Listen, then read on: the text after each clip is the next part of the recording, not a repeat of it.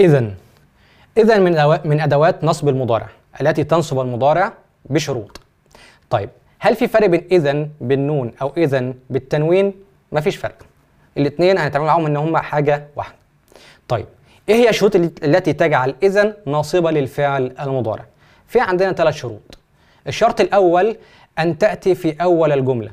بمعنى أنا اذا بيكون جواب لجملة قبلها أو كتعليق في بداية تعليق لكلام قبله. زي إيه مثلا لما أجي أقول سأسافر إلى الإسكندرية.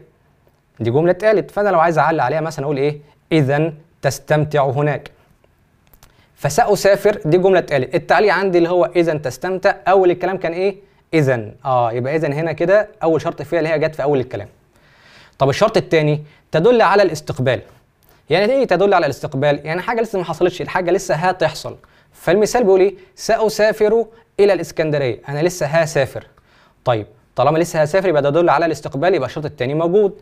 الشرط الثالث ما يفصلش بينها وبين الفعل المضارع أي فاصل حتى لو كان حرف. بمعنى لو قلت مثلا سأسافر إلى الإسكندرية اذا تستمتع آه هنا مفيش فاصل يبقى تستمتع فعل مضارع منصوب. طيب لو دخل في النص مثلا سين زي اذا ستستمتع أو سوف اذا سوف تستمتع.